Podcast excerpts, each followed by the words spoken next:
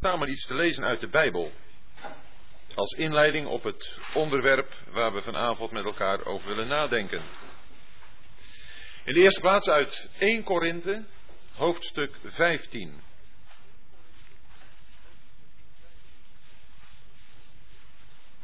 ...1 Korinthe 15, vers 20.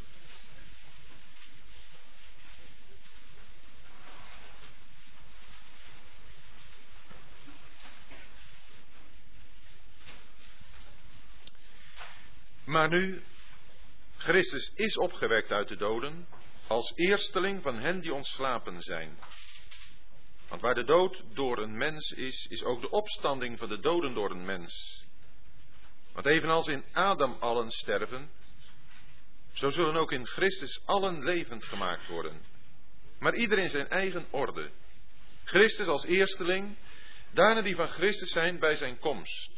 Daarna is het einde, Wanneer hij het koninkrijk aan God de Vader overgeeft. Wanneer hij alle overheid en alle gezag en krachten niet gedaan heeft. Want hij moet regeren totdat hij al zijn vijanden onder zijn voeten heeft gelegd. Als laatste vijand wordt de dood niet gedaan. Want hij heeft alles aan zijn voeten onderworpen. Wanneer hij nu zegt dat alles hem onderworpen is, is het duidelijk dat hij wordt uitgezonderd die hem alles onderworpen heeft. Maar wanneer hem alles onderworpen is, dan zal ook de zoon zelf onderworpen zijn aan hem die hem alles onderworpen heeft, opdat God alles in allen zal zijn. Dan uit de tweede brief die Petrus geschreven heeft. 2 Petrus, daarvan het derde hoofdstuk.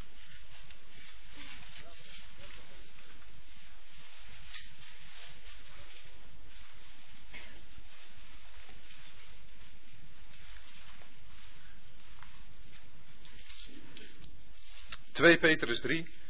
We beginnen bij vers 1.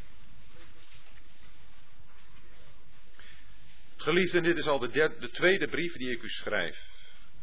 In beide wek ik door herinnering uw oprechte gezindheid op, opdat u terugdenkt aan de woorden die tevoren door de heilige profeten gesproken zijn, en aan het gebod van de Heer en Heiland door uw apostelen verkondigd. Weet dit eerst dat er in het laatst van de dagen spotters met spotternij zullen komen, die naar hun eigen begeerten wandelen en zeggen, waar is de belofte van zijn komst? Want sinds de vaderen zijn ontslapen blijft alles zo als van het begin van de schepping. Want moedwillig is hun dit onbekend, dat door het woord van God de hemelen van oudsher waren en een aarde bestaande uit water en door water, waardoor de toenmalige wereld door water overstroomt, vergaan is. Maar de tegenwoordige hemelen en de aarde zijn door hetzelfde woord opgespaard voor het, voor het vuur en worden bewaard tot de dag van het oordeel en van de ondergang van de goddeloze mensen.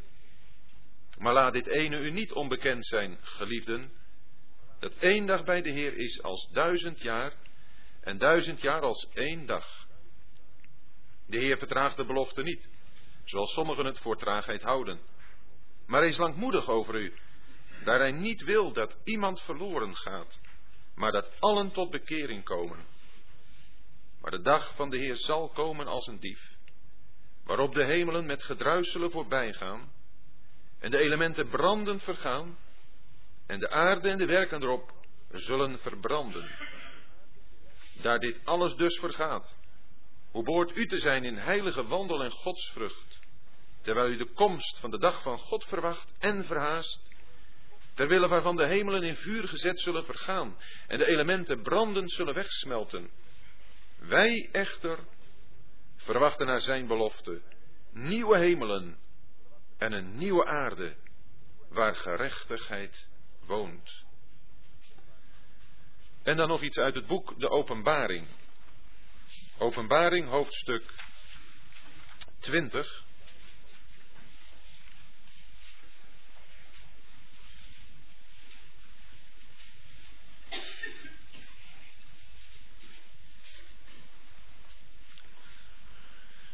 Openbaring 20, vers 7.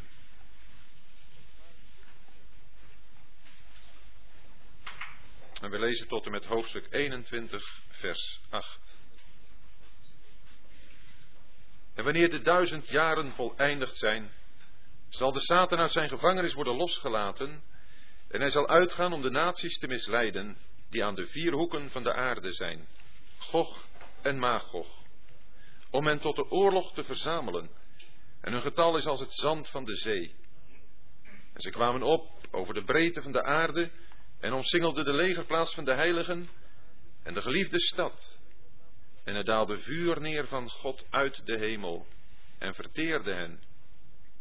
De duivel die hem misleidde werd geworpen in de poel van vuur en zwavel, waar zowel het beest als de valse profeet zijn. En ze zullen dag en nacht gepijnigd worden tot in alle eeuwigheid. En ik zag een grote, witte troon, en hem die erop zat, voor wiens aangezicht de aarde en de hemel wegvluchten, en geen plaats werd voor hen gevonden. En ik zag de doden, de groten en de kleinen, voor de troon staan. En er werden boeken geopend. En een ander boek werd geopend, namelijk dat van het leven. En de doden werden geoordeeld volgens wat in de boeken geschreven was, naar hun werken. En de zee gaf de doden die in haar waren, en de dood en de Hades gaven de doden die in hen waren, en ze werden geoordeeld, ieder naar zijn werken. En de dood en de Hades werden geworpen in de poel van vuur. Dit is de tweede dood de poel van vuur. En als iemand niet geschreven gevonden werd in het boek van het leven, werd hij geworpen in de poel van vuur. En ik zag een nieuwe hemel en een nieuwe aarde. Want de eerste hemel en de eerste aarde waren voorbij gegaan en de zee was niet meer. En ik zag de heilige stad, het nieuwe Jeruzalem, uit de hemel neerdalen van God, gereed als een bruid die voor haar man versierd is. En ik hoorde een luide stem vanuit de troon zeggen, zie, de tabernakel van God is bij de mensen.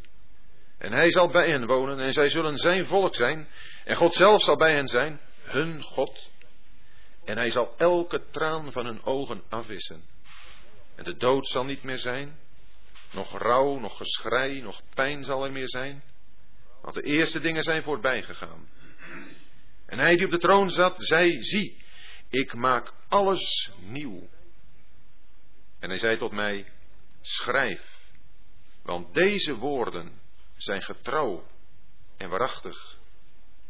En hij zei tot mij, ze zijn gebeurd. Ik ben de Alpha en de Omega, het begin en het einde. Ik zal hem die dorst heeft geven uit de bron van het water van het leven om niet. Wie overwint zal deze dingen beërven en ik zal hem een God zijn. En hij zal mij een zoon zijn.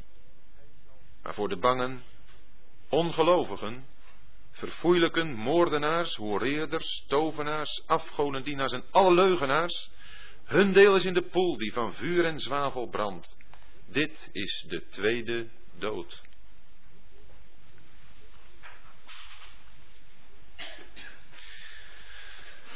Alles wordt nieuw. Hoe zullen de nieuwe hemel en de nieuwe aarde eruit zien? Daarvoor hebben we nu een paar plaatsen uit de Bijbel met elkaar gelezen. Als een inleiding op een onderwerp wat de hele eeuwigheid omvat. Wat een begin neemt voor ieder die de Heer Jezus kent. Op het moment dat hij tot bekering komt. Op het moment dat hij zijn zonden beleidt tegenover God, ziet wie hij is in het licht van de heilige God, en mag geloven dat de Heer Jezus het werk voor hem of haar gedaan heeft op het kruis van Golgotha. Want de Bijbel zegt in Johannes 3, vers 16: Zo lief heeft God de wereld gehad, dat hij zijn enige geboren zoon gegeven heeft, opdat een ieder, een ieder, Hebt u uw eigen naam al ingevuld? Die in Hem gelooft. Niet verloren gaat, maar eeuwig leven heeft. Eeuwig leven heeft. Op het moment dat een zondaar zich bekeert. gelooft in de Heer Jezus, ontvangt hij eeuwig leven. En begint de eeuwigheid hier op aarde in een mensenbestaan. Een bestaan begrensd door de tijd. Begrensd door de mogelijkheden en capaciteiten van een mens. Maar in die mens komt dan eeuwig leven. Dat eeuwige leven, dat zal zich ten volle manifesteren wanneer de Heer Jezus komt. En we hebben daar in de eerste avond met elkaar over nagedacht. Als daar die hemelvaart van alle gelovigen zal plaatsvinden, zult u erbij zijn? Mag ik het u nog eens een keer vragen? Zult u erbij zijn als de Heer Jezus nu zou komen? Zal deze hele zaal leeg zijn? Of zullen toch nog mensen op een stoel blijven zitten? Omdat ze niet de Heer Jezus als hun heiland en Heer hebben aangenomen? Oh, het is een gebed van mijn hart. Dat ieder die hier zit, weet dat zijn zonden vergeven zijn.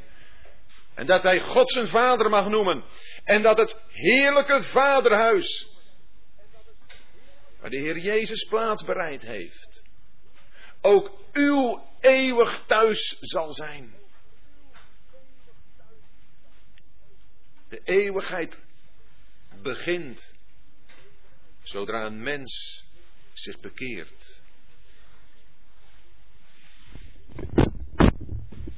Dan komt het eeuwige leven in hem, dat krijgt hij dan. Maar het eeuwige leven hier op aarde, dat wordt in zijn uiting, in zijn beleving nog zo ontzettend gehinderd. Er is nog zo ontzettend veel wat de volle uiting daarvan tegenstaat. En wat zal het dan niet zijn als daar een moment komt dat de Heer Jezus komt om ons op te nemen en alles wat de verhindering was achterblijft. Weet u, dat zal gebeuren. Wat is nu nog een verhindering voor u en mij als we het eeuwige leven bezitten? Om het in zijn volheid te genieten? Dat is het vlees, die boze natuur in ons. Dat wij nog zo geneigd zijn om te zondigen. Onze eigen wil te doen. Dat we niet luisteren naar de Bijbel. Er nog zoveel dingen om ons heen zijn die ons aftrekken. Die onze aandacht in beslag nemen. Dat is allemaal weg als de Heer Jezus komt. Maar we mogen nu al. We mogen nu al uitzien naar dat moment. En dat Hij, die het werk op het kruis volbracht heeft, het heerlijke eindresultaat zal zien van dat werk. Want weet u niet, u en ik alleen, als we de Heer Jezus kennen, zullen dan bevrijd zijn van alles wat de verhindering was. Maar de Heer Jezus zal de volle resultaten van zijn werk dan volkomen zien. Johannes 1, vers 29. Daar staat dat prachtige woord van Johannes de Doper. Maar hij wijst op de Heer Jezus. En dan zegt hij het. Zie het lam van God dat de zonde van de wereld wegneemt. Daar kwam de Heer Jezus naar hem toe. En hij wees op hem. Als degene die het zou gaan doen op het kruis. Jazeker, daar is de grondslag gelegd. Dat alles weggenomen zou kunnen worden. Wat in deze wereld gekomen was. De zonde en alle vreselijke gevolgen daarvan. Hij zou het wegnemen op het kruis. Maar niet alleen op het kruis. Daar zou de basis gelegd worden. Maar de Heer Jezus zou, en we hebben dat gelezen. Maar de Heer Jezus zou op een bepaald moment in de geschiedenis. Alles wat aan de zonde herinnert. Opbergen in die ene vreselijke plaats. Waar we gelezen hebben dat het is de pool van vuur. En er komen ook mensen. Er komen ook mensen al die mensen die niet de Heer Jezus hebben aangenomen.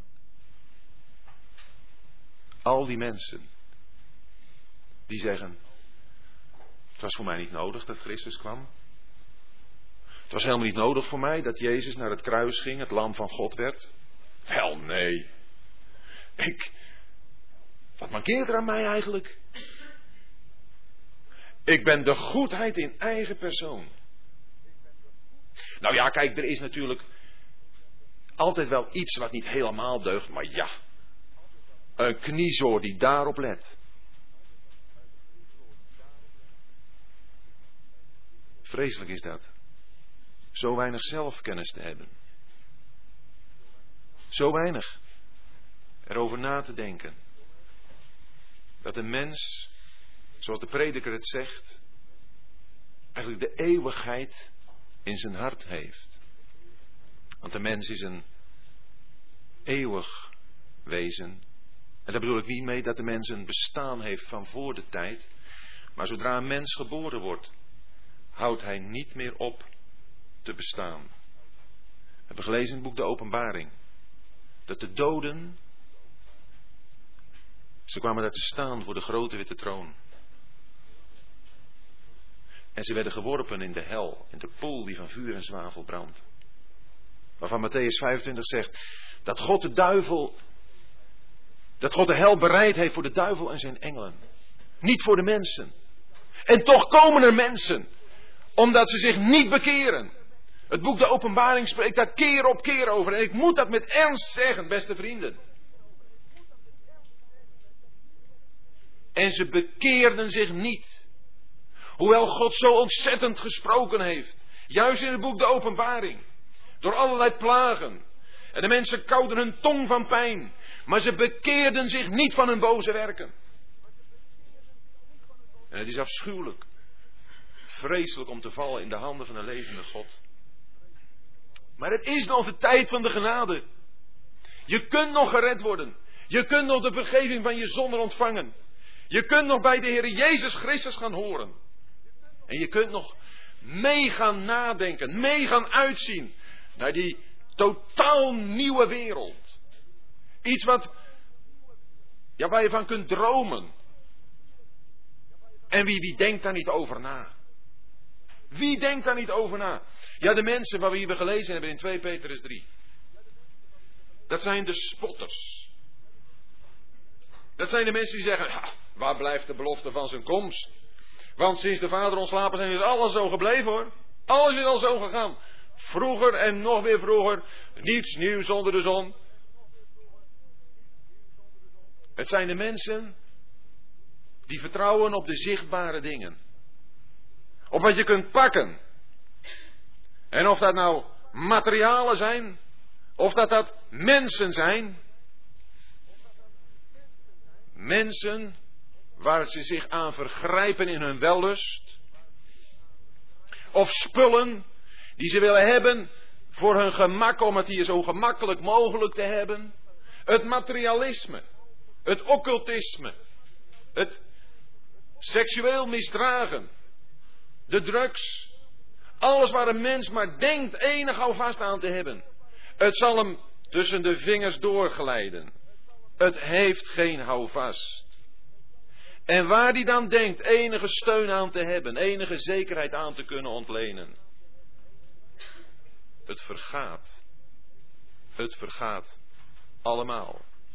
Wij leven in een wereld die erop gericht is mensen als onafhankelijke mensen te laten functioneren. We kunnen ons verzekeren van de wieg tot het graf. En we zijn allemaal verzekerd van ons natje en droogje op onze tijd. We hebben de vriezer vol. Hebben, hoop ik, ook nog een banksaldo. En als dat er niet is, dan zijn er genoeg persoonlijke leningen te sluiten dat je toch nog wat comfortabel kunt leven. Als je maar wat hebt. Het vergaat allemaal. Alles. Er is niets wat je ziet wat blijft. Ja, dat moet je geloven. Dat is wat je gelooft. Want je ogen, je ogen laten je andere dingen geloven. Dat is nou precies wat geloof is, toch? Geloven is niet zien. En toch iets zeker weten. De brief aan de Hebreeën spreekt erover dat God nog één keer zal spreken en dan, dan zullen al die dingen die wankelbaar zijn, zullen verdwijnen. Opdat blijft wat niet wankelbaar is. De eeuwige dingen. Je hoeft maar eventjes te denken aan een stad in Japan Of een stad in Amerika, waarvan men zei, jongens, stukjes technisch kunnen. En om het zo te zeggen, God laat het even schudden. En dat gaat, alle techniek, zomaar tegen de vlakte. Waar de mens op vertrouwd heeft. Maar maakt het de mensen wakker? Laat het ze zien dat hun eigen werken zo bij de handen kunnen worden afgebroken. Maakt het de mensen wakker? Je kunt een bank hebben. Waar je helemaal vertrouwt. Zo safe, zo safe. Een beetje wanbeleid.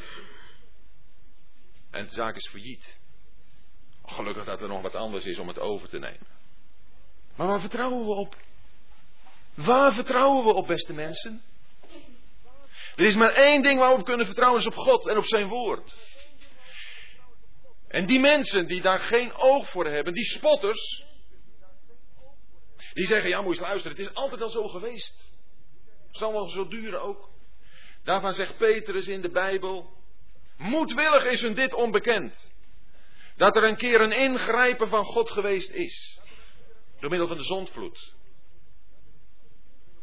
De toenmalige wereld die is door water vergaan. En er is geen volkstam op aarde die een bepaalde overlevering heeft, die niet een bepaalde gedachte heeft aan deze zondvloed. Maar wij hier in ons moderne westerse denken, we bannen dat uit ons denken. Een God die boven alles staat. En dan ook nog even ingrijpt in het hele wereldgebeuren. En dat door middel van een totaal wereldomspannende catastrofe. Moet om lachen. Haal je schouders erover op. Dan kun je toch, dan kun je toch met je moderne denken je niet ingeven. Het is een moedwillig onbekend. Daaraan voorbij gaan is de grote dwaasheid van de moderne mens. Die vertrouwt op het materialisme. Wat een dwaasheid. Maar zodra je ogen daarvoor open gaan, dat God dat eens gedaan heeft, dan betekent het dat de mogelijkheid aanwezig is, en wie de Bijbel gelooft weet dat het zal gebeuren, maar dat de mogelijkheid aanwezig is dat God dat nog een keer zal doen. God zal het nog een keer doen. Ingrijpen in het bestel van deze wereld. En dan niet meer door water, maar door vuur. God zal het doen door vuur. En daar zegt Petrus, dan moet je niet twijfelen aan zijn komst. Ja, die spotters die zeggen, ja, wat blijft nou de belofte van zijn komst? En wij kunnen denken, zo kun je dat toch wel eens even in je hart voelen, nietwaar? Wij geloven de Bijbel. We geloven dat de Heer Jezus terugkomt. Maar ja, het is dan toch altijd nog maar 1960 jaar geleden. Dat de Heer Jezus naar de hemel is gegaan. Toch maar meer dan 1900 jaar geleden dat Paulus al zei van, hij komt. En 1900 jaar is toch niet een kleinigheid. Paulus in zijn dagen heeft de Heer Jezus al verwacht. En wij, wij zitten er ook op te wachten. Of nee, nee toch. We verwachten hem toch. We kijken toch naar hem uit. Want als Paulus hem al verwacht heeft, dan hebben wij nog veel meer reden om hem te verwachten. Want al die gebeurtenissen die er in de loop van de tijd gebeurd zijn, hebben ons alleen maar dichter gebracht bij zijn komst. In Romeinen 13 staat dat zo mooi beschreven. Daar staat, want de nacht is vergevorderd, de dag is nabij.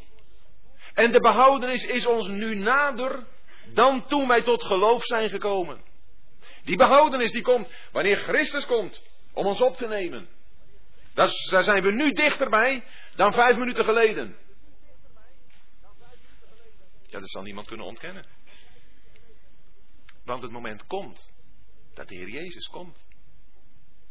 En ondanks al die spotters is er voor de christen een blijde verwachting. Omdat met zijn komst daar een totaal nieuw iets zal gaan aanbreken. Maar laten we het niet voor traagheid houden, zegt Petrus, dat er nog niet komt. Maar hij zegt erbij, het is Gods langmoedigheid. Het is langmoedigheid, het geduld van God, dat hij nog niet gekomen is. Als de Heer Jezus 30 jaar geleden gekomen was, dan had ik hier achtergebleven. Dan was ik er niet bij geweest. En sommigen van u kunnen zeggen, als de Heer Jezus tien jaar geleden gekomen was, was ik er niet bij geweest. Of vijf jaar geleden. Of een jaar geleden. Dat is een langmoedigheid van God. Die bleef wachten. Ook in de dagen van Noach heeft de langmoedigheid van God gewacht. 120 jaar. 120 jaar heeft de langmoedigheid van God gewacht. En Noach maar bouwen aan die ark. En de mensen maar zeggen, Noach ben jij getikt man? Ja, maar Noach tikte wel. Noach tikte mooi door aan de ark. En hij bouwde me door. En elke klap tegen de ark was een getuigenis dat het oordeel komt. En 120 jaar lang heeft God gewacht. En Noach, van wie we lezen dat hij een prediker van de gerechtigheid was. Hij heeft door dat eenvoudige, simpele bouwen getuigd. Oh, hij zal er ook over gesproken hebben. Maar wat was het resultaat? Dat er acht mensen aan boord gingen. En de rest is jammerlijk omgekomen. Ik hoop dat u daar niet bij bent. Niemand van u. Nog is er plaats in de ark des behouds. De langmoedigheid van God blijft wachten. En die tijd, die tijdspannen van 1900 jaar, ach, wat is het bij God? Ja, wij kijken er tegenaan. Wij beperkte mensen, zoals ik al zei. Maar voor God is duizend jaar als één dag. En één dag is al duizend jaar. Voor God bestaat de tijd helemaal niet. God laat zich niet binden, vatten in onze tijdsberekening. De tijd heeft zijn, zijn bestaan door, door de schepping. Door ons. Maar God niet.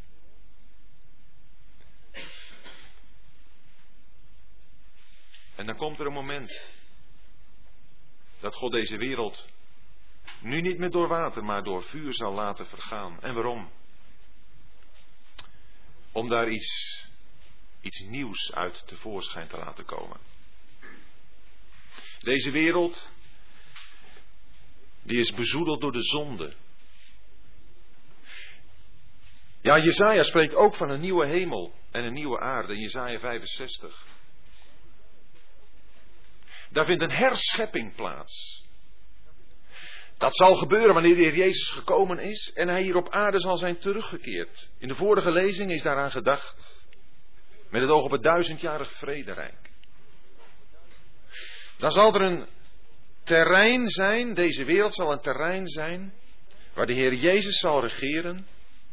En waar de zonde niet meer de kans krijgt om zich in brute macht te manifesteren. De duivel, de, de Satan, zal dan duizend jaar opgesloten zijn in een diepe put. En dan zal er vrede zijn en gerechtigheid. En dan zal de wolf verkeren bij het lam. En een klein kind zal een berin weiden. En een baby zal bij een addershol spelen. En niemand, zo staat er, zal leed doen op gans mijn heilige berg. Oh, het zal een schitterend tafereel zijn. Zacharia 8 spreekt over kinderen die daar spelen op de straten. Ja, moet nu eens doen. Wordt zo'n ver gereden. Al die brute auto's. Ja, ik zeg niet dat ze er niet meer zijn. Maar dan zal er voor de kinderen weer plaats zijn om te spelen. En dan zullen de ouden, zo staat het daar, oud van dagen zullen daar genoeglijk naar zitten kijken. Van een generatiekloof, geen sprake meer. Daar zal er een volkomen harmonie zijn. Tussen oud en jong. Een volkomen harmonie in de schepping. Niets meer dat elkaar zal verbijten of vertrappen of kapot maken of doodrijden. Niets meer. Ja, er is nog wel iets wat kan gebeuren. En het is dat iemand toch nog openlijk zondigt. En dan zal het gericht van Christus komen. Elke morgen, zegt Psalm 101, elke morgen zal hij het oordeel uitoefenen. Dus ook in het duizendjarig vrederijk is het nog mogelijk dat er openlijk gezondigd wordt en dat er oordeel komt.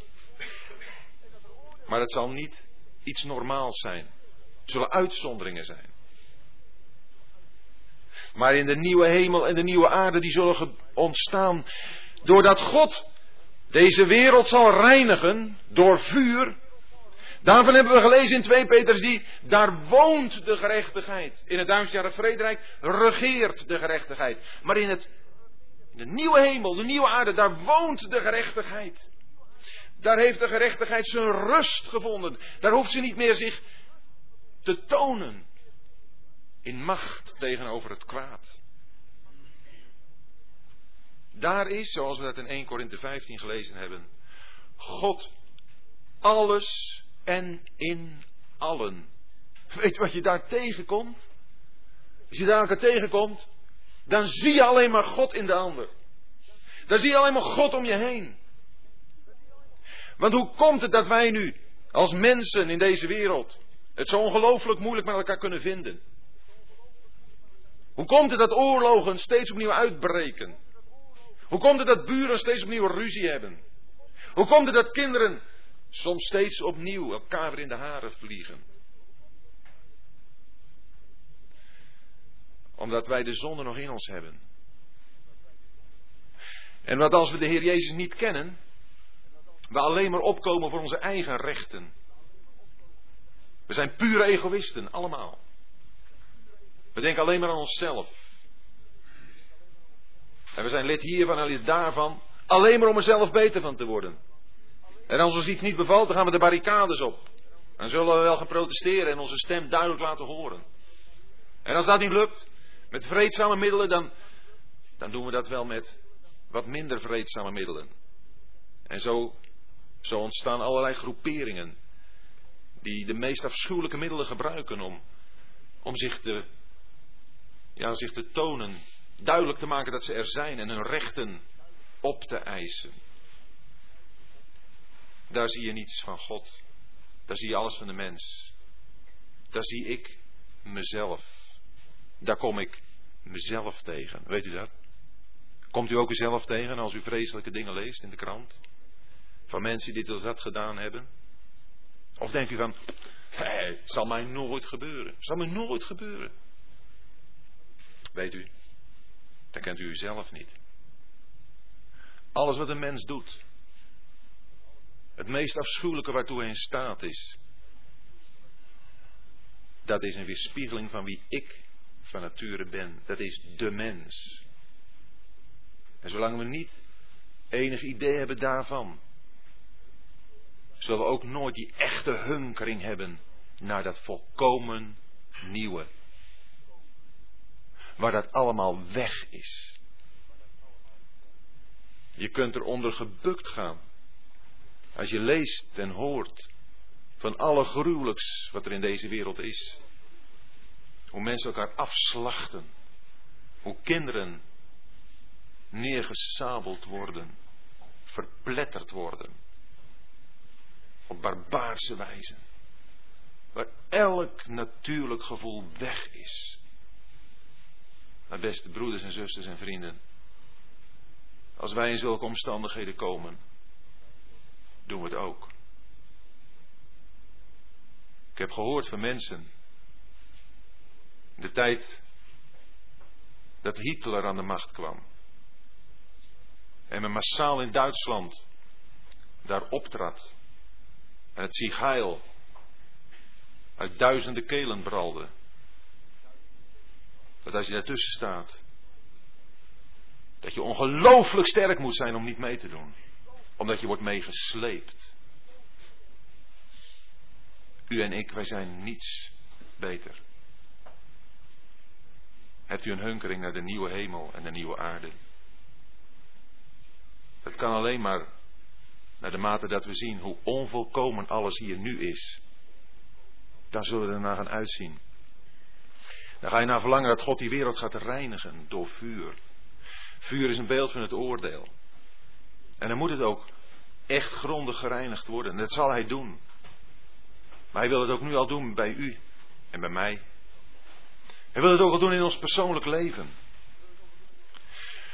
Ook in ons persoonlijk leven denk ik dat wij situaties, dat wij perioden kunnen hebben waarin we dat herkennen. Er is niets wat meer aanspreekt. Meer aanspreekt in die zin dat, dat je blij bent en vreugde hebt. Dan na een periode van diep lijden. Iemand die pijn gehad heeft, vreselijke pijnen, en die van die pijn verlost wordt, die kan wel juichen. En hoe meer wij hier voelen, aan de lijve soms meemaken wat het is om verdrukt te worden, miskend te worden misschien wel, veracht, niet meegeteld of onbegrepen. Zijn er die mensen die, die zich onbegrepen voelen? Hebt u een nood waar u eigenlijk niet mee naar een ander toe kunt? Of waar u wel eens mee naar een ander toe bent gegaan, waarvan u aanvoelde, nee, het komt niet over. De reacties, die maken duidelijk dat ze me niet begrijpen. En om dan eens iemand te hebben die je begrijpt, het is een verademing. Er valt iets van je af. Daar zijn er nieuwe situaties. En die nieuwe situatie die wordt des te intenser beleefd. Naar de mate dat je iets meegemaakt hebt waarin je teleurgesteld bent geworden. Of waarin je iets hebt meegemaakt wat een hele negatieve ervaring was. Nou, en zo is het ook met een nieuwe hemel en een nieuwe aarde. Nee, dat betekent niet ik wil het even tussendoor zeggen dat wij natuurlijk niet van de mooie dingen die we hier op aarde hebben mogen genieten. Jazeker mogen we ervan genieten. Ik ga u niet vertellen dat u nergens meer van mag genieten. Oh nee. Maar waar we het nu vanavond over hebben, dat is over de werkelijkheid van de dingen. Zoals ze echt voor ons kunnen zijn. En zoals ze voor het geloof ook werkelijk zijn. Dan tilt hij dat een stapje uit boven de aardse dingen. Dan ga je de dingen bekijken vanuit Gods perspectief. En daar wil God met een ieder van ons naartoe werken. Of je nou jong bent of oud bent. Maar daarvoor brengt Hij ons in situaties. Laat Hij dingen ons meemaken. Die ons dat verlangen laten versterken. Die dat verlangen groter maken. Naar dat wat God gaat doen.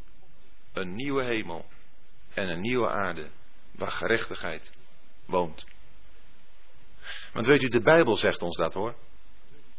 En de Bijbel, we hebben dat gelezen in Openbaring 21. Deze woorden zijn betrouwbaar en waarachtig. Dit zijn geen leugens. Dit zijn geen verzinsels. Petrus zegt het in zijn tweede hoofdstuk van die tweede brief. Wij zijn geen vernuftig verzonnen fabels nagevolgd. Toen wij hebben verteld van de kracht en majesteit toen hij dat heerlijke gezicht op de berg had gezien. Petrus had het gezien. Hij heeft erover verteld. Maar Paulus heeft er ook iets van verteld. Paulus heeft ook verteld van een, van een derde hemel waarin hij is weggetrokken geweest. En van een, van een paradijs in die derde hemel. Paulus heeft daarvan verteld. Hij is daar geweest. Hij heeft iets gezien van die heerlijke situatie. Oh, het was dan toen nog niet eens volmaakt. Want het volmaakte komt nog. Maar het was toch wel daar al iets waar de zonde niet was. Waar alleen maar alles van Christus sprak. Waar Christus alles was. Daar was Paulus geweest. En hij sprak erover. Het was niet verzonnen, beste vrienden. Het is de werkelijkheid. En nu gaat het maar om in hoeverre u en ik al gehersenspoeld zijn door de dingen van de wereld om ons heen. We kunnen ons avond en avond vergapen, televisieprogramma's bekijken en denken dat dat de werkelijkheid is. Maar het is vaak leugen. En het zijn vaak, nee het zijn niet vaak, het zijn alleen maar fragmenten, deelopnamen, die nooit een werkelijkheid kunnen weergeven. En de meeste beelden die je ziet, die ellende weergeven, kun je door het zien van de ellende eigenlijk alleen soms maar afstompen. Waarbij je dan nog niet eens nadenkt over wat de personen die je daar voor je hebt, binnen je huiskamer krijgt. Wat die personen moeten meemaken en doormaken. Wat er in hen omgaat. En hoe het met hen verder gaat. Als het beeld alweer ergens anders naartoe gaat. Het leed in deze wereld, dat wordt ons in de huiskamer gepresenteerd. En we stompen voor het afschuwelijke ervan af. En daardoor komt het ook vaak dat wij niet zo'n behoefte hebben naar die nieuwe hemel en die nieuwe aarde. Want daarvoor, daarvoor is het nodig om met, met de Heer Jezus te leven. Weet u, er is er één die geweldig verlangt naar die nieuwe hemel en de nieuwe aarde, dat is de Heer Jezus zelf. Hij die hier op aarde niet met de zonde in aanraking is geweest, in die zin dat hij daarmee vereenzelvigd was. Alleen op het kruis. Daar heeft hij de zonden op zich genomen van een ieder die in hem gelooft. Alleen op het kruis. Toen werd hij tot zonde gemaakt. Maar zijn hele leven was één vlekkeloos leven. Een leven tot volmaakte eer van God. Maar waar hij wel met de zonden van mensen te maken kreeg. En met de uitingen, de resultaten daarvan. En heeft daar in die nood heeft hij, heeft hij oplossing, heeft hij verlichting gebracht. Hij heeft het gezegd tegen een verlamde man. Je zonden zijn je vergeven. Ja, maar dat was de grootste nood. En toen daar werden die zeiden van, hoe, wie is deze die zonde kan vergeven? Toen zei hij, opdat, de, opdat jullie mogen weten dat de zoon des mensen macht heeft op aarde zonde te vergeven. Zei tot de verlamde, sta op. Neem je bed op en wandel. En er staat die verlamde op. Hij heeft blinden de ogen geopend.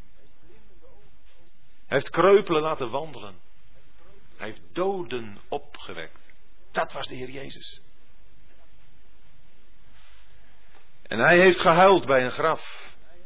Het graf van Lazarus. Want er was niemand als hij. Die de gevolgen van de zonde heeft gekend. Heeft doorschouwd. En niemand als hij.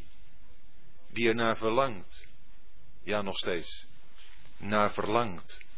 Dat er een, een wereld zal komen een hemel en een aarde die totaal nieuw zijn. En we mogen ons bij Hem aansluiten. We mogen in Zijn gevoelens gaan binnentreden. Door te lezen over Hem. We hebben over Hem gelezen in 1 Korinthe 15. Dat de Heer Jezus als eersteling uit de doden is opgestaan. En dat is een machtig vers. We zitten tegen de paasdagen aan. En daar wordt dan algemeen over gedacht, nagedacht in de christenheid. Wij mogen daar telkens opnieuw, elke dag mogen we daarover nadenken. Wat het is, dat Christus is opgewekt uit de doden als eersteling van hen die ontslapen zijn. Wat, wat wil dat zeggen dat de Heer Jezus stierf op het kruis? Weet je wat dat wil zeggen? Dat wil zeggen dat God met niet één mens iets kon beginnen. Dat elk mens de dood schuldig is. Dat God in wat in zijn hart had aan niet één mens kwijt kon. Maar dat de mens zich bewezen heeft als volkomen verdorven en zondig te zijn. En de Heer Jezus Christus heeft de zaak van de mens op zich genomen. En is gestorven. Hij is de dood gestorven. Maar hij is ook opgewekt. En zijn opwekking, beste vrienden, dat luidt een nieuwe wereld in. Nu is het mogelijk om door de dood heen het terrein van God en van de Vader binnen te gaan. Om je naar te vergapen aan het hart van God, aan het hart van de Vader. Om te gaan uitzien naar de Heer Jezus Christus, om bij Hem te zijn. Hij is opgestaan. De eersteling uit de doden. En wat staat er dan verder? Jazeker, in Adam zijn alle gestorven. Maar in Christus zullen alle levend gemaakt worden. Maar in iedereen zijn eigen orde, zegt vers 23. Christus als eersteling. Daarna die van Christus zijn bij zijn komst. Al diegenen die ontslapen zijn. In de Heer. Die zullen opstaan. En wij de levenden, als je erbij hoort, zullen veranderd worden. En zullen altijd bij de Heer zijn. Allen die in Hem geloofd hebben, zullen bij Hem zijn. Daarna, zegt vers 24, is het einde. Wanneer Hij het koninkrijk aan God de Vader overgeeft. Dat koninkrijk, waar Hij dan duizend jaar geregeerd heeft. Dat duizendjarig vrederijk, wat onder Zijn zegenrijke heerschappij zo schitterend geweest is. En aan het eind van die duizend jaar geeft hij het koninkrijk over aan God de Vader. Het is geen koninkrijk wat hem afgenomen wordt. Zoals zo vaak in deze wereld. Koningen opstaan, vermoord worden. Of opgevolgd worden door anderen. Kinderen of anderen. Hij niet. Hij blijft duizend jaar aan de regering en hij geeft het over aan God de Vader. Daarna is het einde wanneer alle overheid en alle gezag en krachten niet gedaan heeft. Dan is er geen vijand meer. Ja, nog één. De laatste vijand, de dood. Die wordt er niet gedaan. En dat is wat we gelezen hebben in het boek De Openbaring. Dan wordt de dood te niet gedaan. Dat is de laatste vijand. Wanneer hij het koninkrijk aan God de Vader overgeeft aan het eind van de duizend jaren, dan wordt de duivel nog een korte tijd losgelaten. Zo hebben we dat gelezen in Openbaringen 20. Je kunt het je haast niet voorstellen, weet u dat? Na zo'n zegenrijke regering. Dan wordt de duivel nog eens een poosje uit zijn gevangenis losgelaten. Dan gaat hij naar de naties om ze te misleiden. En dan krijgt hij zo'n enorm succes dat vanuit over de breedte van de aarde de naties met hem mee optrekken naar de heilige stad, de heilige en de geliefde stad. Onvoorstelbaar. Kan maar één ding betekenen. Zich bekeert en ziet dat hij een zondaar is voor God, toch een zondaar blijft. En wanneer hij voor de keus gesteld wordt, de verkeerde keus maakt. Dat hij toch de Satan achterna gaat. En zo zijn er velen, ook vandaag, die de Satan achterna gaan. Ondanks het feit dat ze misschien in christelijke gezinnen zo ontzettend veel zegen hebben meegekregen. Wie van u denkt niet met dankbaarheid terug aan wat hij thuis gehoord heeft van zijn ouders. En misschien is hier een enkeling die dat ook zich realiseert. Maar daarbij ook moet denken, ja en toch, ik heb het allemaal van me afgestoten. En ik ben mijn eigen weg gegaan. En ik heb met God en met zijn woord geen rekening gehouden. En als je eerlijk bent, dan zul je moeten zeggen, en het heeft me alleen maar ellende gebracht alleen ellende. Op het tijdstip van de geschiedenis waarin we hier aangekomen zijn in openbaringen 20, aan het eind van het duizend jaar. Als de naties over de breedte van de aarde de duivel achterna gaan, tot een laatste opstand tegen God, komt zonder enig pardon het oordeel van God. Het vuur daalt neer uit de hemel en verteert hen. Wat is dat vreselijk? Wat is dat vreselijk? En de duivel die hem misleidde werd geworpen in de poel van vuur en zwavel. Waar zowel het beest als de valse profeet zijn en ze zullen dag en nacht gepijnigd worden tot in alle eeuwigheid. De duivel, die eerder al uit de hemel geworpen is in openbaringen 12, op de aarde. Wat is hij toen tekeer gegaan? De duivel die in openbaringen 20 in de put geworpen is. Toen kon hij niet meer tekeer gaan. Maar hij nog even losgelaten is, om dan tenslotte hier nog dieper geworpen te worden, om daar tot een alle eeuwigheid te blijven. De pool van vuur. Daar is de duivel. En dan ontvouwt zich voor ons oog een aangrijpend en indrukwekkend tafereel. Het heeft velen al geïnspireerd, ik kan me dat voorstellen. Om het in tekeningen aan te geven. Als je daar een grote witte troon ziet. Groot, machtig, indrukwekkend. En wit, heilig, vlekkeloos. En er zit iemand op. En daar hoeven we niet naar te raden. Johannes 5 zegt dat God al het oordeel aan de, de mensenzoon gegeven heeft. Daar zit de Heer Jezus. Op die grote witte troon. En de aarde en de hemel vluchten voor hem weg. Weg. Ze werden niet meer gevonden.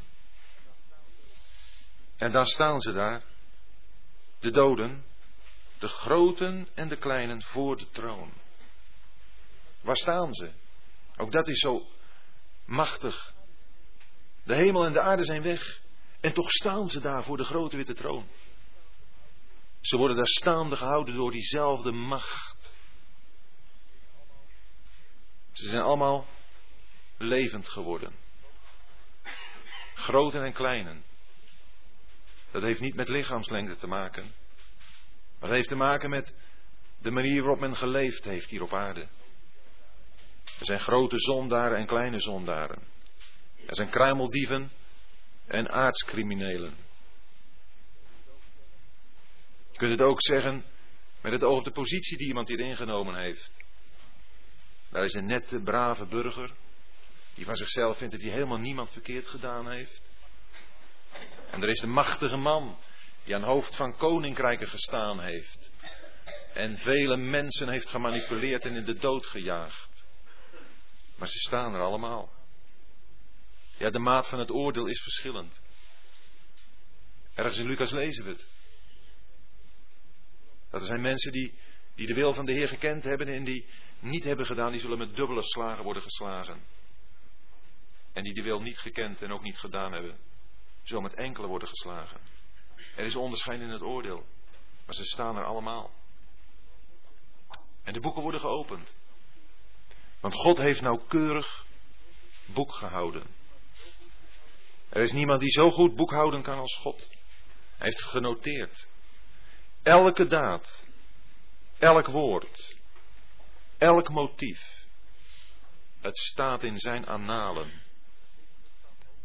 En de registers gaan open. En elke dode die daar staat. Zoals het ware de openbaar aanklager het horen voorlezen. En hij zal de film van zijn leven voor zich krijgen. Ik zal het allemaal weer overzien. En als dan het oordeel wordt uitgesproken, dan is er geen verweer. Er is geen advocaat meer. Er is geen voorspraak meer. O beste mensen, ik wil u smeken. Nu is er nog een advocaat. Nu is er nog een voorspraak. Jezus Christus, de rechtvaardige. God is getrouw en rechtvaardig om de zonden te vergeven. Als je ze beleidt. Doe het alsjeblieft. De advocaat is er nog. Maar dan niet meer. Dan word je geoordeeld naar je werken. God heeft een schaduwboekhouding. Hij heeft een ander boek. En daarin staan de namen van hen die ten leven zijn opgeschreven. De namen van hen die, die bij hem horen. En ik mag door genade weten dat mijn naam erin staat. Maar hoort u het, ik zeg door genade. Maar ik ben niet beter dan iemand hier. Maar ik sta er wel in. En daarom zal ik niet bij die doden staan. En velen hier mogen het zeggen. Mijn naam staat in het boek van het leven. En ik zal niet meer geoordeeld worden naar mijn werken, want mijn werken zijn geoordeeld in Christus. En ieder die geoordeeld wordt naar zijn werken, daarvan staat de naam niet in het boek van het leven. Het zal onomstotelijk duidelijk worden dat ieder mens die in de hel terechtkomt, daar komt vanwege zichzelf. Je hebt niet gewild, dat zal gezegd worden. Niet van ik heb niet gekund, ik, ik wilde wel, maar kon niet. Ik heb, zegt de Heer Jezus, je hebt niet gewild. Nu kan het nog. Het kan nog. Oh, doe het. De dood en de Hades. Die werden ook genomen en ze werden geworpen in de poel van vuur. Dit is de tweede dood. Als iemand niet geschreven werd in het boek van het leven, werd hij geworpen in de poel van vuur.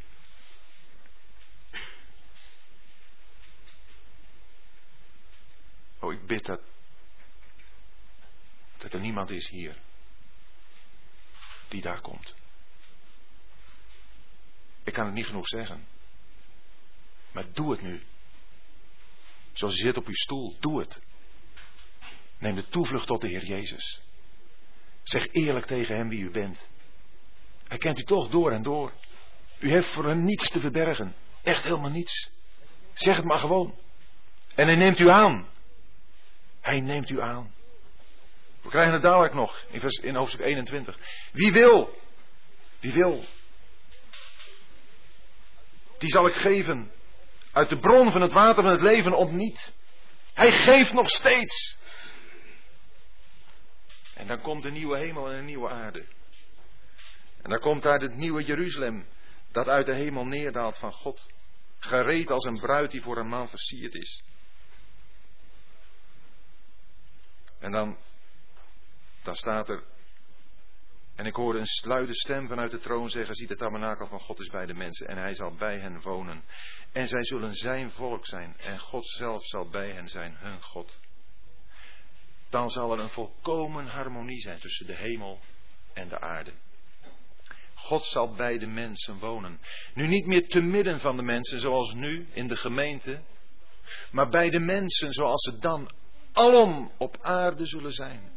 En God zal dat doen in de gemeente, de bruid, waar u en ik bij mogen horen. God zal bij de mensen wonen, want de tabernakel van God zal komen. Die woonplaats van God. En God zelf zal bij hen zijn, hun God. God zelf. Het woordje zelf, dat benadrukt dat. Dat het niemand anders is dan God die bij hen is. God alles en in allen. Dan beantwoordt alles aan wie God zelf is. En dan staat er, en hij zal elke traan van hun ogen afwissen. Weet u, hoe zullen de nieuwe hemel en de nieuwe aarde eruit zien? Er staat zo ontzettend weinig van in de Bijbel. Eigenlijk staat er alleen maar wat er niet is. En daar hebben we hier nu iets van. God zal alle traan van hun ogen afwissen. Ziet u dit voor u? Het kleine kind dat gevallen is en zo'n pijn heeft, of geslagen is, of geplaagd en zo'n verdriet heeft, en huilend binnenkomt. En ze stuiven vader voorbij en dan gaan ze naar moeder toe. Dan kruipen ze op schoot en dan vinden ze troost. En dan, dan veegt moeder de tranen van de ogen af. En knuffelt dat kind. En dat kind dat gaat er weer huppelend naar buiten vertroost. En het denkt niet meer aan de pijn. Het denkt niet meer aan het verdriet. Zo gaat het. En de dood zal niet meer zijn. Er is geen enkele gedachte meer aan wat achter ligt. Het is allemaal voorbij. Het nieuwe, het mooie, dat neemt ons zo in beslag dat de herinnering aan het voorbije niet eens meer opkomt. Jesaja 65 zegt dat zo mooi. Er zal geen gedachtenis meer zijn aan de vroegere dingen. Dat kun je in aardse dingen ook hebben. Als je iets ouds hebt, wat een beetje versleten is, en je krijgt er iets nieuws, iets heel moois voor terug, dan, dan zet je het zo bij de vuilnis. Je denkt er niet meer aan, je kijkt er niet meer naar om. En dat nieuwe wat je hebt, daar, daar ben je dan helemaal mee verguld. Nou, en weet u, zo zal het bij de Heer Jezus zijn. Zo zal het zijn als we, als een nieuwe hemel en een nieuwe aarde er is. Die zal ons zo overweldigen, dat we aan die andere dingen niet meer denken. De dood, die is er niet meer. Maar er is ook geen gedachtenis meer aan.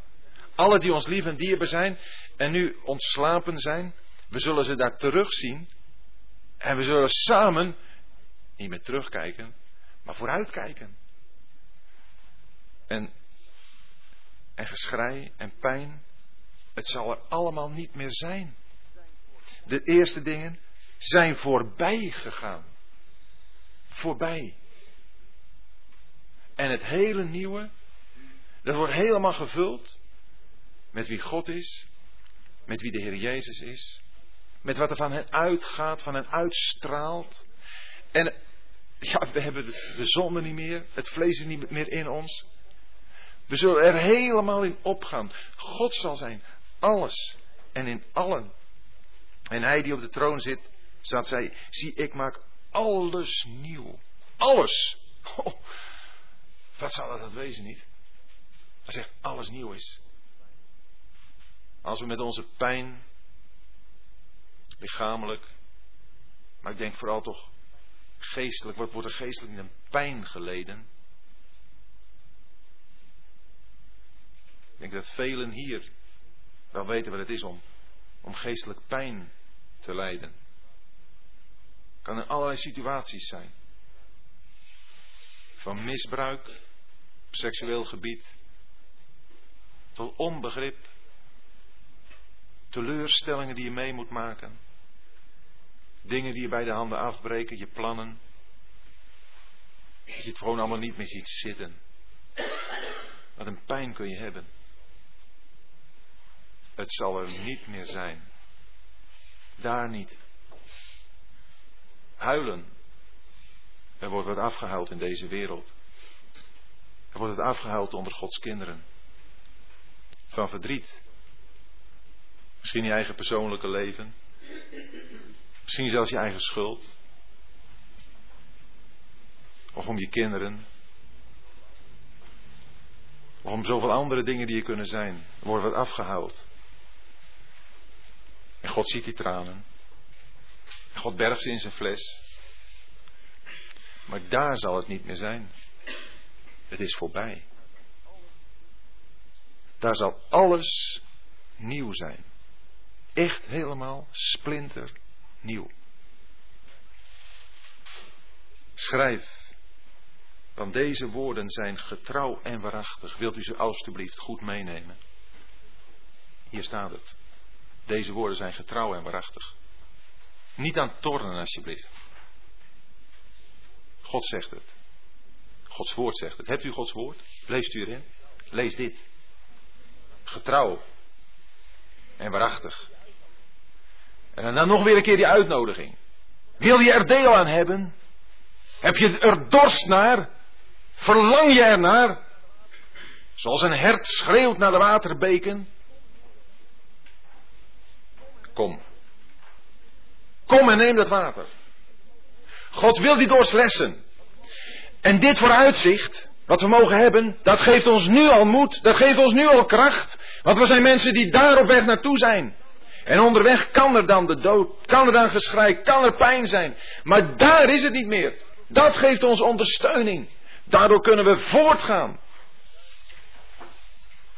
Om daar te zijn.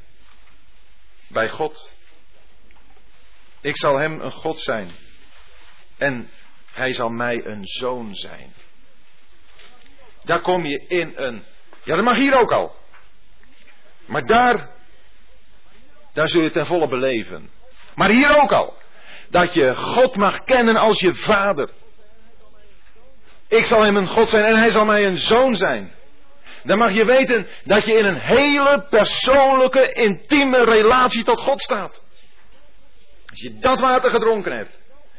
God. Jouw God te mogen noemen. Maar dat is mooi. Die God. Die de toekomst bepaalt. Ik ben de alfa en, het, en de omega. Het begin en het einde. God staat aan het begin. En God staat aan het einde van de hele wereldgeschiedenis. Maar God staat ook aan het begin en het einde van uw leven. En God staat ook aan het begin en het einde van een hele moeilijke periode in uw leven. God staat erbij. En God overziet het. Die periode, uw hele leven, de hele tijdsperiode van de schepping tot het einde ervan. God is er. En die God, jouw God te mogen noemen. En door die God een zoon, een dochter genoemd te worden. Ja, wat is het ons dat waard? Wat is het ons waard? Daar gaat het om. Het gaat er maar niet om dat je, dat je een paar dingen meer van de Bijbel weet. Maar het gaat erom dat het je leven beïnvloedt. Dat het een uitwerking heeft. Dat wij vanavond hier weggaan anders dan we gekomen zijn. En dan bedoel ik niet dat je gaat achteruit lopen. Maar dat je echt vanuit je innerlijk een houding aan kunt gaan nemen. Overtuigd door het woord van God. Dat de mensen zullen zien, dit zijn mensen die leven. Die zijn op weg naar een nieuwe wereld. En die willen zoveel mogelijk mensen nog meenemen. Naar die nieuwe wereld. Die uitdaging ligt er. En dat is des te sprekender als het laatste vers van de beschrijving van de eeuwige toestand, vers 8, eindigt met voor de bangen, ongelovigen, verfoeilijken, moordenaars, hoereerders, tovenaars, afgodendieners en alle leugenaars. Hun deel is in de poel die van vuur en zwavel brandt. Dit is de tweede dood. Hier eindigt de beschrijving van een nieuwe hemel en een nieuwe aarde. Met zo'n aangrijpend vers. En ik hoop dat hier niemand is die onder deze categorie valt. Maar we kennen allemaal, denk ik, mensen die daar wel onder vallen. In onze familie of vriendenkring. En ik hoop dat wij, als mensen die met dit perspectief op weg gaan, op weg zijn en op weg blijven, elkaar erin bemoedigend, anderen zullen mee gaan nemen. Dat hoop ik echt. Van harte. En voor mezelf. En voor u. Maar bovenal voor Hem die ons zo ontzettend heeft liefgehad. De Heer Jezus Christus. Hij is het waard dat we voor Hem leven. Hij verlangt ernaar, meer dan u en ik bij elkaar. Naar dat moment dat God zal zijn. Alles en in allen. Hem zij de heerlijkheid tot in eeuwigheid. Amen.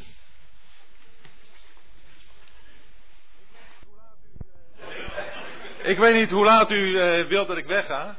Maar u mag ondertussen ook afhaken. Het betekent dat ik me zeer moet beperken. En dat het dus best kan zijn dat een antwoord wat onbevredigend is.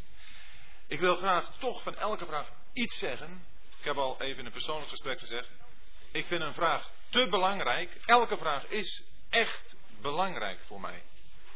Te belangrijk om uh, die niet in elk geval even voor te lezen en er met de hulp van de Heer toch iets over te zeggen. Mocht er toch nog een, uh, iets blijven hangen, waarvan u zegt van nou nee, dat, uh, daar wil ik toch wel eens even verder over praten. Ik ben daartoe altijd bereid. Jan van Buren heeft mijn telefoonnummer en ook mijn adres. U kunt me schrijven of bellen. Want Jan heeft het al zo druk, dus anders kon hij naar hem toe gaan. Maar het gaat dus niet erom me eraf te maken. We zitten hier vanavond bij elkaar om samen naar de Bijbel te luisteren. En we willen graag met elkaar delen En als er dus dingen zijn waarvan u zegt van de wil eens met die man verder over praten, dan kan dat echt. Ik moet vanavond weer naar de overkant, dat moet ook echt. Maar er zijn wat communicatiemiddelen, zegeningen toch van deze tijd, zoals uh, telefoon en de PTT. Maar dat is mogelijk, dus uh, denkt u niet dat ik het doe om er af te zijn. Maar ik begrijp dat u daar alle begrip voor hebt. De eerste. Ik doe ze in volgorde van binnenkomst. Dus. Krijgt het heelal een functie voor alle geredde mensen of blijft het alleen om de aarde gaan? Waarom is het dan zo'n groot heelal waar niet te leven is? Ja, ik ben geen wetenschapper. Dus weten waarom dat zo is, weet ik niet. Dat doe ik niet. Wel weet ik dat op dit moment het heelal iets is waaraan veel geleerden zich vergapen en waar je onder de indruk kunt komen van de majesteit van God. En dat geldt voor ieder van ons. Voor ieder van ons. Misschien heb je het wel eens meegemaakt op een prachtige zomeravond. Een heldere lucht. Een schitterende sterrenhemel. Zomaar even alleen. Dan kan het je overweldigen. En denk je, waar is het voor? Denk ineens aan Psalm 19. De hemelen vertellen Gods eer. En het uitspansel verkondigt het werk van zijn handen. Het geeft iets aan van de grootheid van God en de nietigheid van de mens. En in de eeuwigheid, ja hoe het dan precies zal zijn, weet ik niet. Maar ook in de eeuwigheid zal toch er iets zijn bij God wat onze bewondering en aanbidding eeuwig zal ja, afdwingen klinkt zo gek, maar opwekken. Dat kan niet anders. God blijft zo groot in zichzelf. En alles wat ook dan van God zichtbaar zal zijn, of het dan zou zijn zoals nu, dat weet ik niet. Maar alles wat van God zichtbaar zal zijn, zal een functie hebben. En dat is iets uh, wat de vraag dan ook zegt. Wat we kunnen zeggen, die functie is altijd een uitstraling van de majesteit van God. Sterven er mensen in het duizendjarig rijk? Zo ja. Dan hebben die mensen nooit de verleiding van Satan gekend. Als ze ook in het duizendjarig rijk zijn gekomen. De vraag is natuurlijk maar. Hm? Geboren. Oh, geboren. Even kijken hoor. Dan hebben die mensen nooit de verleiding van Satan gekend. Als ze ook in het duizendjarig rijk zijn geboren. Ze hebben niet de verleiding van Satan gekend op de manier zoals wij die kennen. Dat klopt. Toch hebben al die mensen het vlees in zich. Een boze natuur, een zondige natuur. Dat zal ook daaruit blijken dat er mensen zijn die zondigen. De vraag is ook, sterven er mensen in het duizendjarig rijk? Zo ja. Ja, inderdaad, ze sterven er. Psalm 101, vers 18, ik heb het even opgezocht. Jezaja 65, vers 20b. En Zephania 3, vers 4. Die spreken daarvan dat er gericht zal zijn. Elke morgen gericht over de zondaar, de openlijk zondigende mens. Dat oordeel zal er zijn. Maar dan is het juist dat de mens niet de schuld aan Satan geeft, wat hij juist vandaag de dag zo vaak doet. Om zichzelf aan eigen verantwoordelijkheid te onttrekken, wordt er dan gezegd, ja maar de, de duivel die, die liet me dat doen. Dat excuus zal dan niet meer kunnen gelden. Dus ze hebben dan niet de verleiding, de, de verleiding van Satan op die manier gekend. Maar ze hebben nog wel hun eigen boze hart. En als dan de verleiding van Satan komt, na duizend jaren vrederijk, terwijl ze die hele zegen gaat hebben, die verleiding komt, dan maakt duidelijk wat ze gedaan hadden, bij wijze van spreken, als die in het duizendjarig rijk was losgelaten. Dan hadden ze ook hem gevolgd. Want dat is wat we nu zien. Nu zien we dat de Satan vrij spel heeft. En hij krijgt de massa in zijn macht.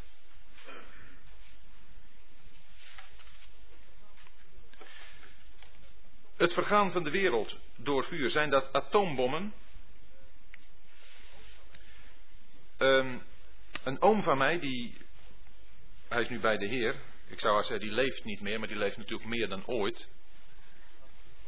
Die uh, had de gewoonte om in de Telegraaf, meen ik, tussen de advertenties voor de hoeren een tekst op te nemen. Ik heb hem even gezocht uit Jezaja. Waar iets staat van het oordeel van God dat het vlees zal verteren. En ja, dan wordt er wel eens gedacht aan de mogelijkheid dat het zal gebeuren door middel van atoombommen. Hè, die ook inderdaad verterend werken. Maar ik lees in de Bijbel dat God zelf dat zal doen. En niet dat de mens dat zal doen. God zal deze wereld door vuur doen vergaan. Ja, misschien dat die mensen daarvoor gebruikt. Dat de mensen dat in hun verschrikkelijke openbaring zelf zullen doen, maar dat weet ik niet. Ik weet wel dat God het doet. Welke middelen hij daarvoor gebruikt, weet ik niet. Maar het zou mogelijk zijn. Zijn alle dieren van nu ook op de nieuwe aarde te vinden? Ja, dat is weer zo'n vraag als die eerste van dat onmetelijke heelal. De dieren die uh, horen bij de eerste schepping. De dieren zijn niet als mensen. Zij hebben niet het eeuwige leven. Wanneer zij sterven, vergaan ze. De dieren hebben een functie nu. Ook om ons uh, te beproeven, toch wel een beetje. Hè? De rechtvaardige kent het leven van zijn dier, staat ergens in de spreuken. Hoe gaan we daarmee om? Zijn schepselen van God. Maar of die ook op de nieuwe aarde te vinden zullen zijn, ik vind er geen aanwijzingen voor in de Bijbel. Wel in het duizendjarige vrederijk, de vernieuwde aarde. Maar de totaal nieuwe aarde, daarvan lees ik niet dat daar dieren zijn.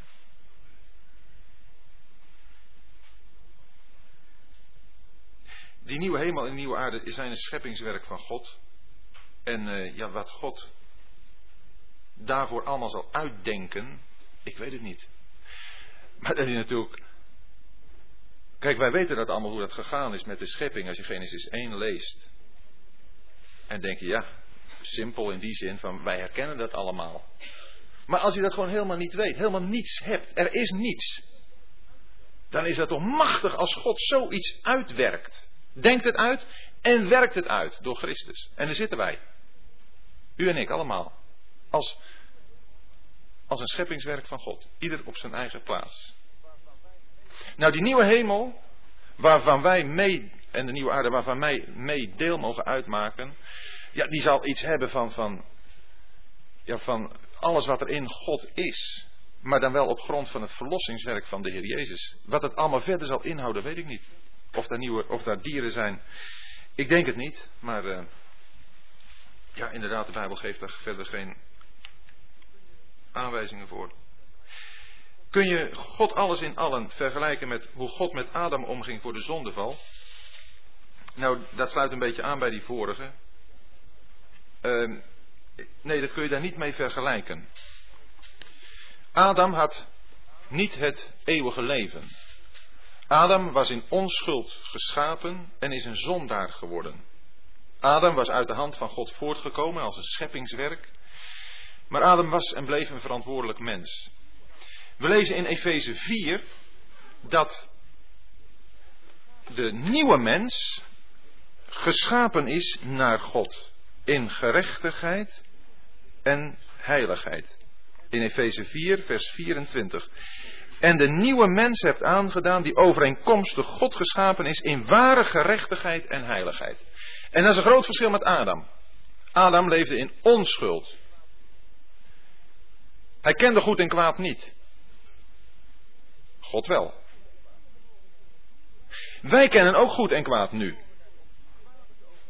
Maar de enige mogelijkheid om het kwade te overwinnen is door het nieuwe leven te hebben. En het nieuwe leven, ja, dat is een lezing op zich zeg. Dat nieuwe leven, dat is iets wat we in Christus hebben ontvangen.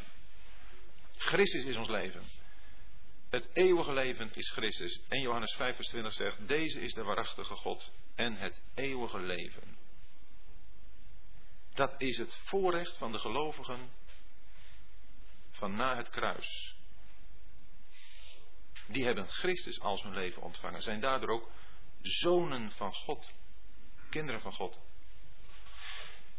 De gelovigen van het Oude Testament hebben dat leven niet op die manier. Die hebben wel de goddelijke natuur als ze bekeerd zijn geworden. Maar daar vind je telkens die onzekerheid, die onstabiliteit, dat vragen van ja, is het nu wel, is het nu niet. De ene keer helemaal op de berg, de andere keer helemaal in de put. De zekerheid van het geloof is daar iets wat niet gekend wordt. Alleen bij tijden. Maar goed, dat is een onderwerp echt apart. Dus het is niet hetzelfde. Wat we hebben in God met Adam. Of God alles in allen. Ging maar een beetje om de zuivere relatie. De zuivere, de, de, ja ja. Nou, er was natuurlijk een hele duidelijke, als het gaat om een relatie, die was er tussen God en Adam. Alleen, ook daar heb je het weer, dat was een relatie die uh, in de eerste plaats verstoord kon worden.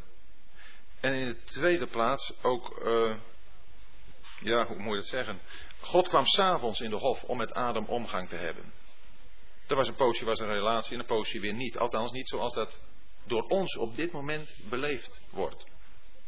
Wij kunnen dat elk moment van de dag en de nacht mogen we dat hebben. Als we het nieuwe leven hebben, hebben we het ook. Dat we het ons niet altijd bewust zijn, is wat anders. Maar Adam was een schepsel uit Gods hand voortgekomen, toch in een andere positie dan wij nu zijn.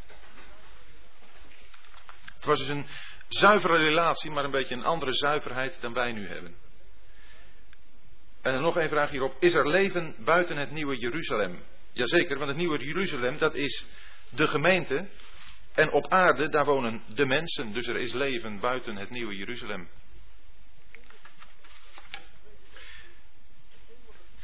De tweede dood. Een eeuwige toestand of een totale vernietiging. Een eeuwige toestand. Geen totale vernietiging. We lezen in Lucas 16 een gelijkenis. Nee, er staat niet dat het een gelijkenis is. Even opzoeken. In Lucas 16, daar gaat het over de arme Lazarus en de rijke. En de Heer zegt daar niet bij dat het de gelijkenis is. Hij spreekt over een rijk mens en over een arme die Lazarus heet. En dan zien we dat beide sterven en dat de arme door de engelen gedragen werd in de schoot van Abraham. De rijke stierf ook en werd begraven. En toen hij in de Hades zijn ogen opsloeg, terwijl hij in de pijnen verkeerde, zag hij Abraham in de verte en Lazarus in zijn schoot. En dan lees je daar hoe daar een grote kloof is. Tussen waar de arme Lazarus, die natuurlijk de rijke Lazarus dan is, en de rijke, die natuurlijk dan de arme is, die daar in de plaats van de pijniging is. En er is een grote kloof tussen die onoverbrugbaar is voor de personen die zowel aan de ene als aan de andere kant staan. En de grote les die de Heer Jezus hier naar voren brengt is, je hebt Mozes en de profeten. Luister daarnaar. Het woord van God voor ons. Dat maakt duidelijk dat je in deze tijd nu moet kiezen. En dat er daarna niet meer een kans is. En in verbinding met de vraag maakt het duidelijk dat er een plaats van pijn is. De Heer Jezus ligt daar een, een tipje van de sluier op van het hiernamaals. En er wordt niet gesproken over een vernietiging, maar er wordt gesproken over een eeuwige pijn. Althans, dat wordt daar. Zo, zo kun je dat hier naar voren brengen. Maar dat lezen we ook in. Hebben we ook gelezen in Openbaring 20. Want daar hebben we gelezen van de duivel die geworpen werd in de poel van vuur en zwavel. Waar zowel het beest als de valse profeet zijn. Wanneer waren die erin geworpen? Duizend jaar tevoren. En wat staat er dan bij? En zij zullen dag en nacht gepijnigd worden tot in alle eeuwigheid. Het laat geen twijfel dat het gaat om iets wat tot in alle eeuwigheid blijft. Als dit een eeuwige toestand is, hoe zal dit dan zijn ten overstaan van de eeuwige toestand van de heiligen? Zullen deze beiden in deze toestand eeuwig voortbestaan naast elkaar? Nou, dat bedoelde ik net met Lucas 16, dat ook dat een antwoord is op deze vraag. Waar zal dit dan plaatsvinden in de nieuwe schepping? Nou, dat wordt gevonden. Dat, is niet, dat hoort in wezen niet bij de nieuwe schepping. Er is een plaats die genoemd wordt de poel van vuur. Daarmee besluit hoofdstuk 21. Waar de dood en de Hades en al de doden die geoordeeld zijn geworden ingeworpen werden. Als het ware buiten deze schepping. En dan begint hoofdstuk 21 met. En ik zag een nieuwe hemel en een nieuwe aarde. Het is als het ware buiten deze schepping. Buiten de nieuwe schepping. Het hoort er niet bij. De poel van vuur. Een letterlijke plaats met letterlijk vuur. Of een geestelijke plaats. Ter illustratie hoe vreed het is in afwezigheid van de Heere God.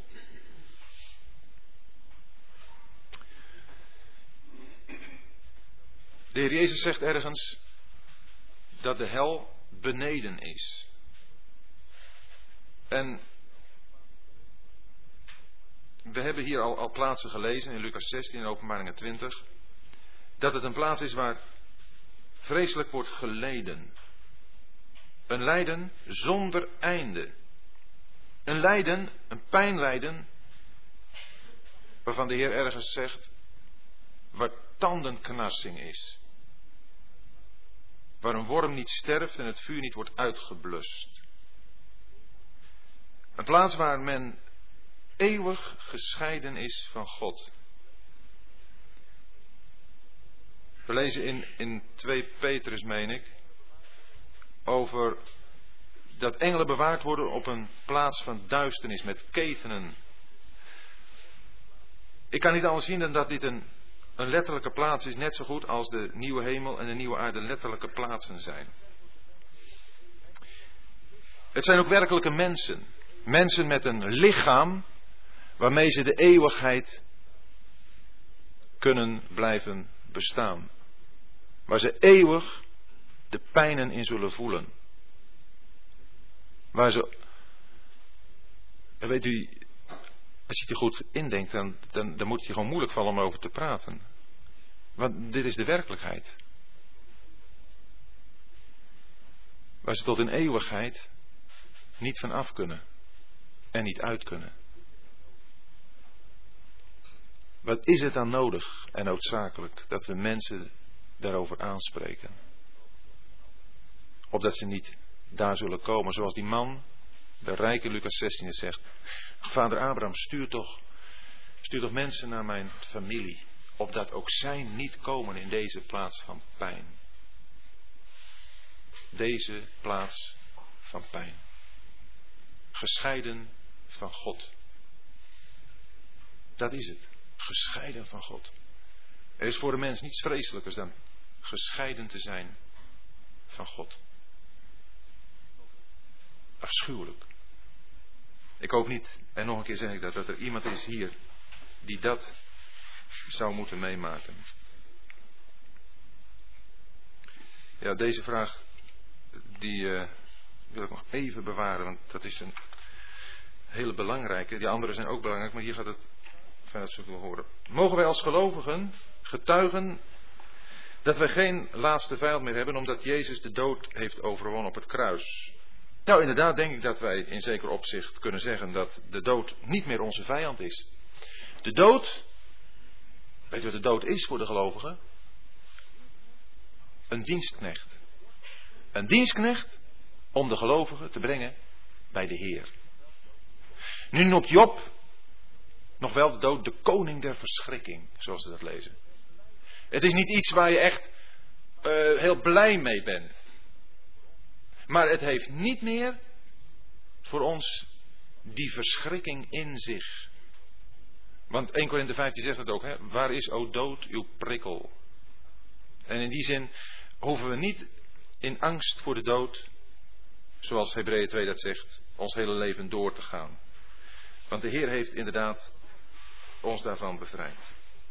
Kunt u behalve de onbekeerde ook iets zeggen over een bekeerde die bezet is door één of meer demonen? Of kan dat niet zo zijn voor een gelovige?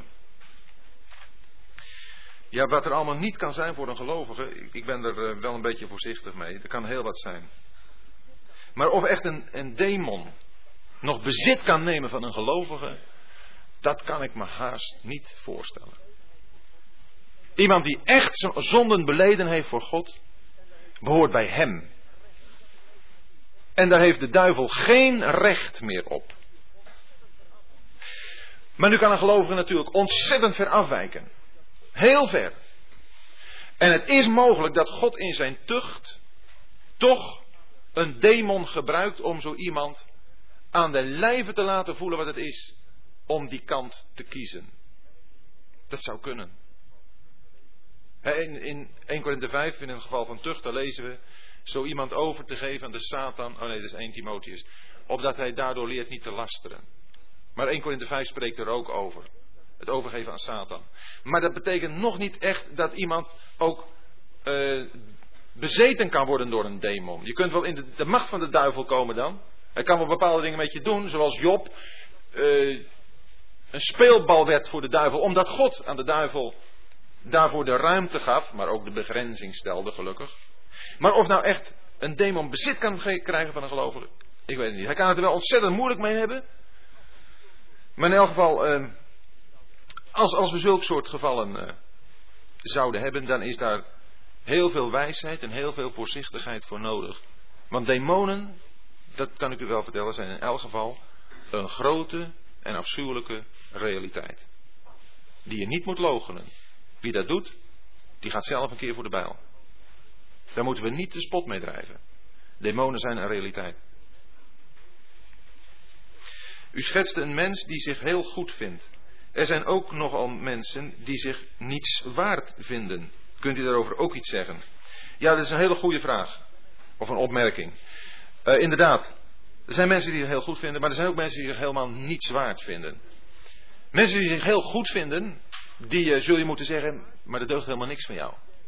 En mensen die zich helemaal niets waard vinden, die zeggen, daar kun je tegen zeggen, maar voor God ben je wel wat waard.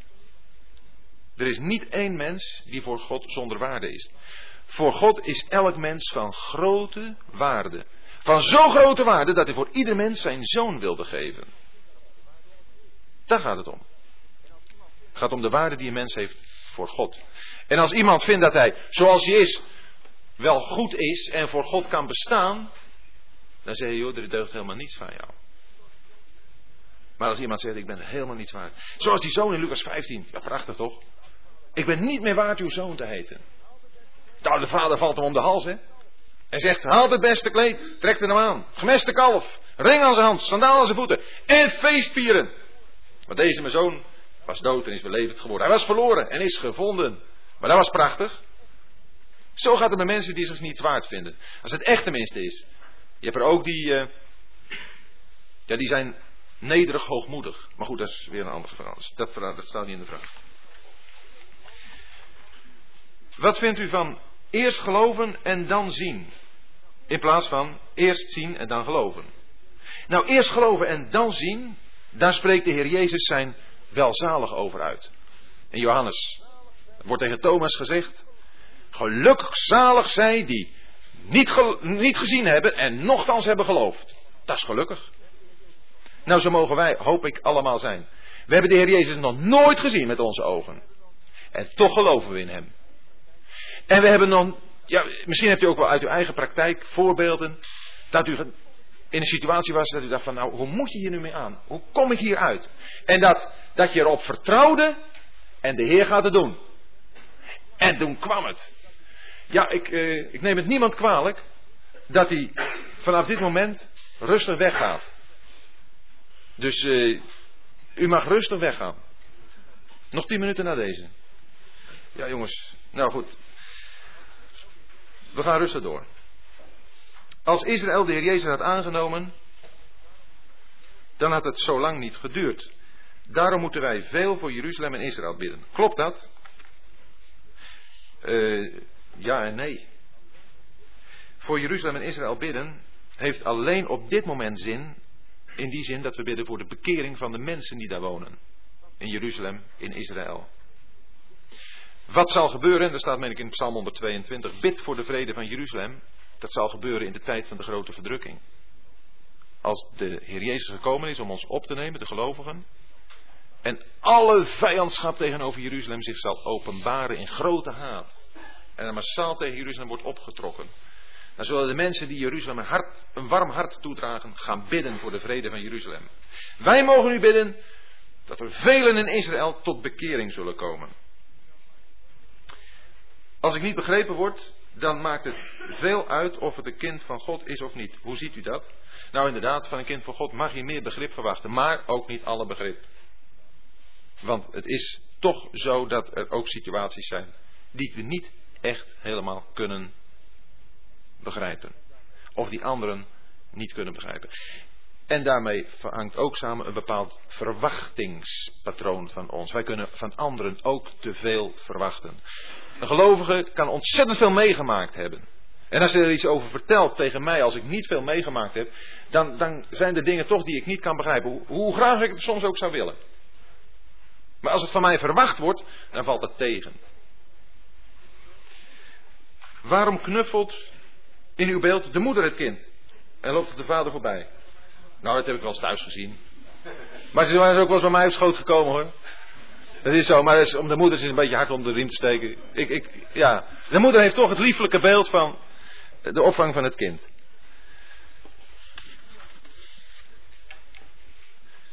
De koe en de birin zullen tezamen nederliggen enzovoort. Hoe kan dat in het duizendjarige rijk op deze aarde? Dit slaat toch op de geheel vernieuwde hemel en aarde. Uh, Jezaja 65 en 66, er staan wat, wat dingen over, ook meen ik in Jezaja 11. En die hebben te maken, zoals alles in het Oude Testament, met deze aarde. Zoals God die geschapen heeft. Terwijl waar we het vanavond over gehad hebben, toch de nieuwe hemel,